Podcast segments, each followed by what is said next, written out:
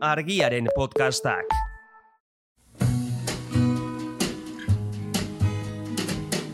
Don't know much about history. Don't know much biology. Hau, oroimen histerikoa da. Historia diren istorioek txoratzen gaituztenon podcasta.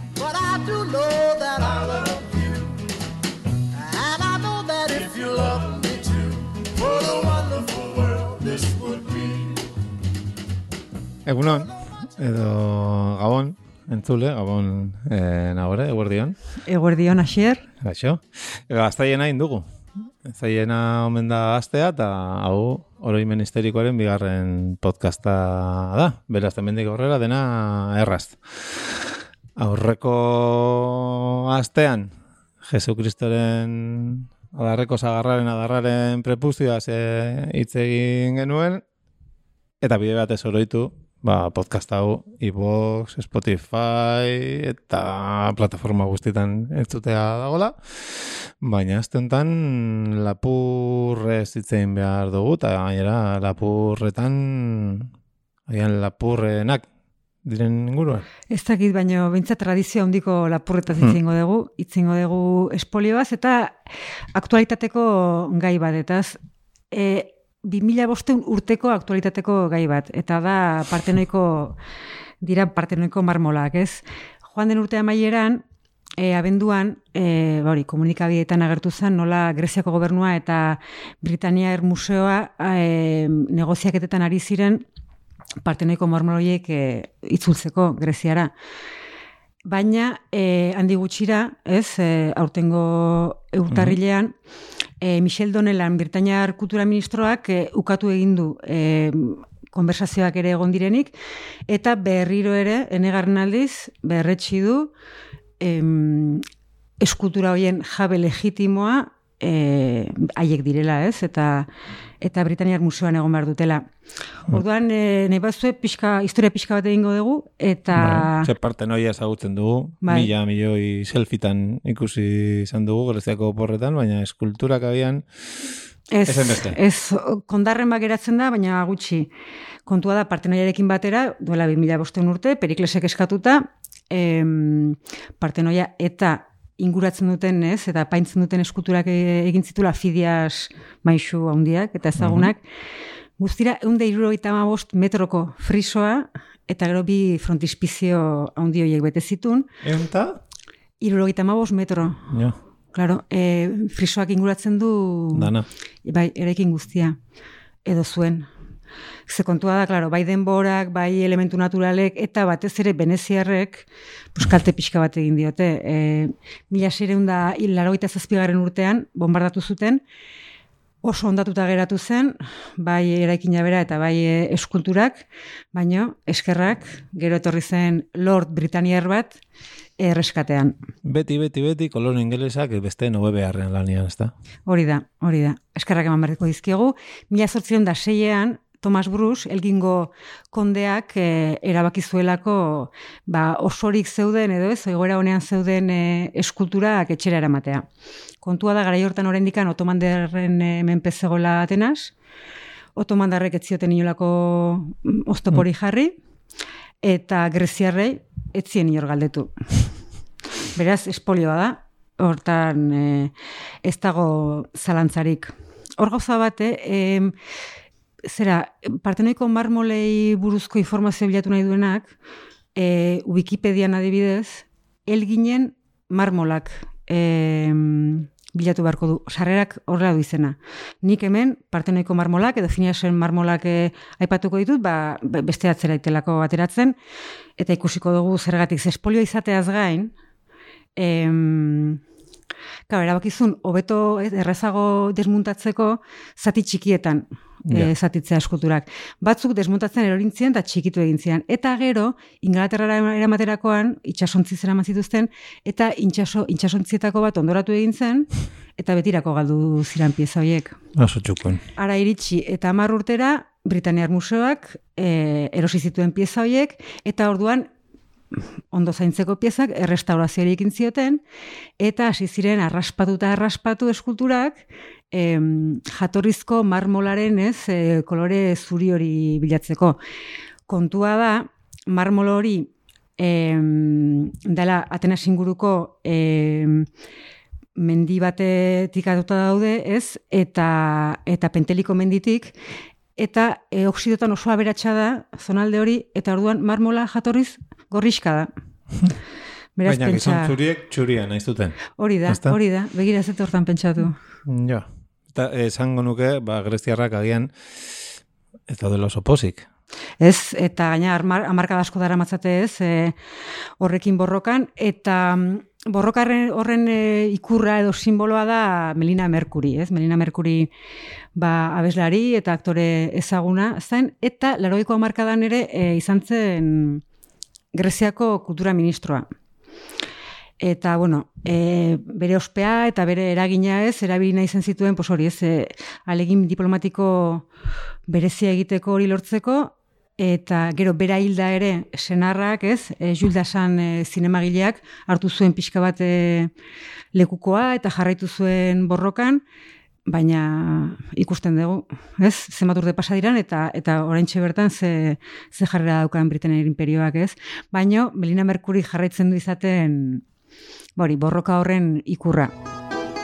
Από το παράθυρο μου στέλνω ένα, δύο και τρία και τέσσερα φίλια που φτάνουν στο λιμάνι ένα και δύο και τρία και τέσσερα πουλιά Πως ήθελα να έχω ένα και δύο και τρία και τέσσερα παιδιά.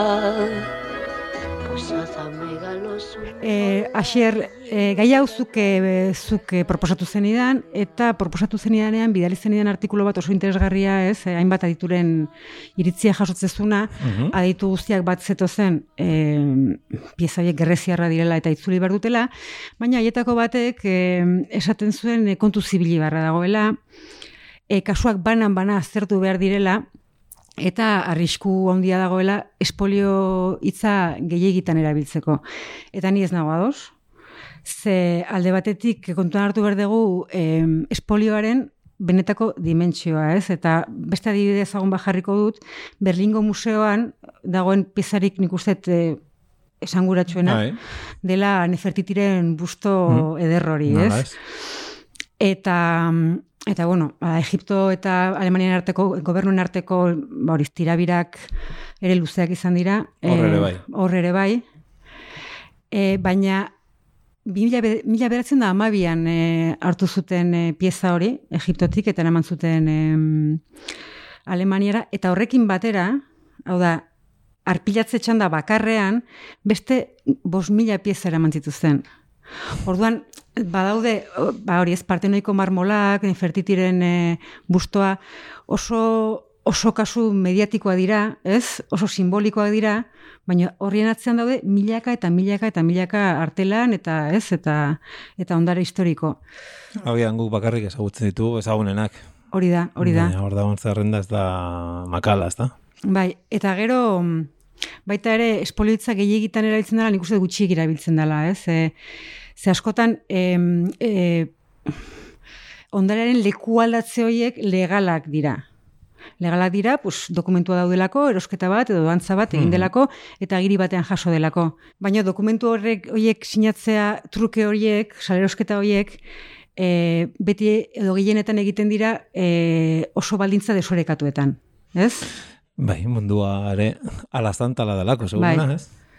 Britainiar eh, museoan daude, bueno, dago Egipto eta India erdia. Bai, ba. E, Louvren eta Frantziako museotan Afrikako ondarea dago. Estatuta, estatu batuetako museoa daude Ego Amerika eta Mexikoko ondarez beteta. Eta alderantziz ez da gertatzen. Ez, e, zuk ez daukazu Nairobin adibidez museo bat frantziar impresionisten e, pintura esanguretsuenekin, edo ino- inori ez zaio bururatu, estonjentseko harritzarrak hartu, zatitu eta adibidez kalkutara eramatea, ez? Orduan, Bai, bai. kolonialismoaren, imperialismoaren eta eta espolioaren arteko lotura oso oso agerikoa da. Bai, ba. Orduan, legezkoak dira turruke, ez? Komila artean turruke horiek, bai, zilegi dira, ez. Espolioa da eta lapurreta da.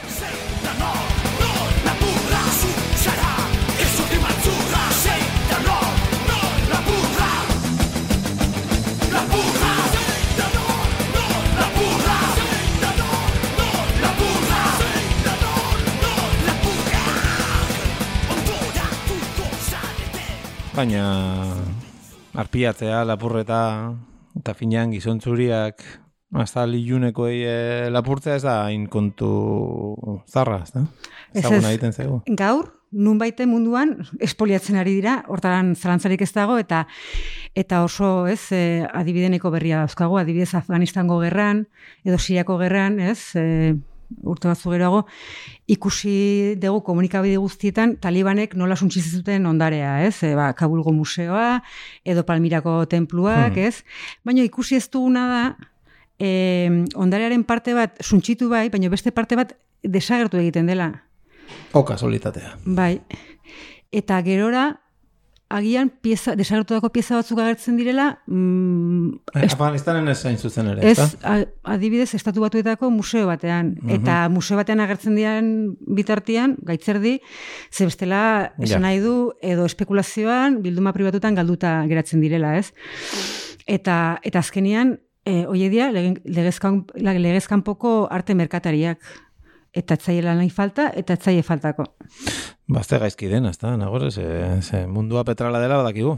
Baina egongo aldaba, bueno, bere ondarea, zertxo bat zikiera badare, berreskuratzen edo, edo ekartzen saiatzen denik, ez? Bai, gaina podcast hau ez, tonu baikorrean bukatu Aldala. nahiko nuke, bai, eta eta hor eh, bi kasu jarriko ditut, ez, bat eh, Mexiko, ze agian eh, Egipto eta Grezia dira, ez, eh, kasu ezagunenak, Bai. baina munduko eh, ondare espoliatunetakoa Mexiko da. Eta mm, eta azken urtean ari dira, ez, gobernutik ari dira alegin berezia egiten eta pieza batzuk hasi dira tantaka tantaka eta oso mantxo baino itzultzen. Eta beste adibidea da kontrakoa, hau da, e, Mexikoren espoliatzaile nagusia estatu batuak dira, eta, eta Washingtongo Smith- Smithsonian museoa e, ari da pixkanaka jarrera aldatzen, eta oraintxe bertan e, beningo hogeita bederatzi brontze e, itzuli ditu Afrikara, eta orduan ez gara emozionatuko, ez? Baina, bintzat hori, bidea pixka bat badirudi aldatzen ari dela, eta albaldin bada, harinago egiten baldin badute, hobeto. Ba, kontutan hartzen baldin badugu, aipatu duzuna, dela ba, Ale- Alemaniarrek egun bakar batean bos mila piesta eraman zituztela, edo bidei bakar batean, eta orain keinu gisa hogeita bederatzi itzuli estatu bat horrek, ba, zenbat, Bai. zenbat mil urte gehiago behar du justizia etortzeko, ez? Bai, baina, bueno, tonu baikorrean bukatu Bai, nahi genuen, baina ezin dut. ez, ez diate uzten. Britaniar imperioak ez dituzten.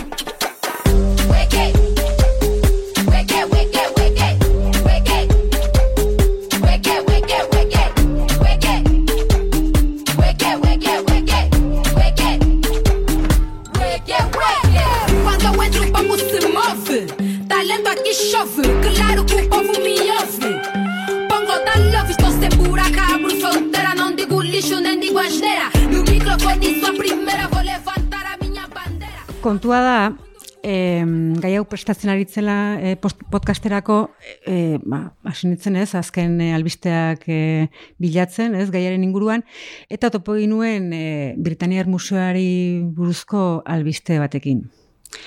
Orduan kontua da, Britania handiko museoek, eta hoien buru, ez, gure British, British. maitea, e, gomendio bat luzatu digutela. Eta da, momia zitzeitenakoan, momia hitza ez erabiltzea. Ara, Ez dute debekatu, eskerrak, baina hobesten dute pertsona momifikatu edo arrasto momifikatu erabiltzea. arrasto, modifikatua. Bai, bai, hori askoz ze respetuzkoagoa delako. E, eta hortarako hainbat arrazoi eman dituzte, ez?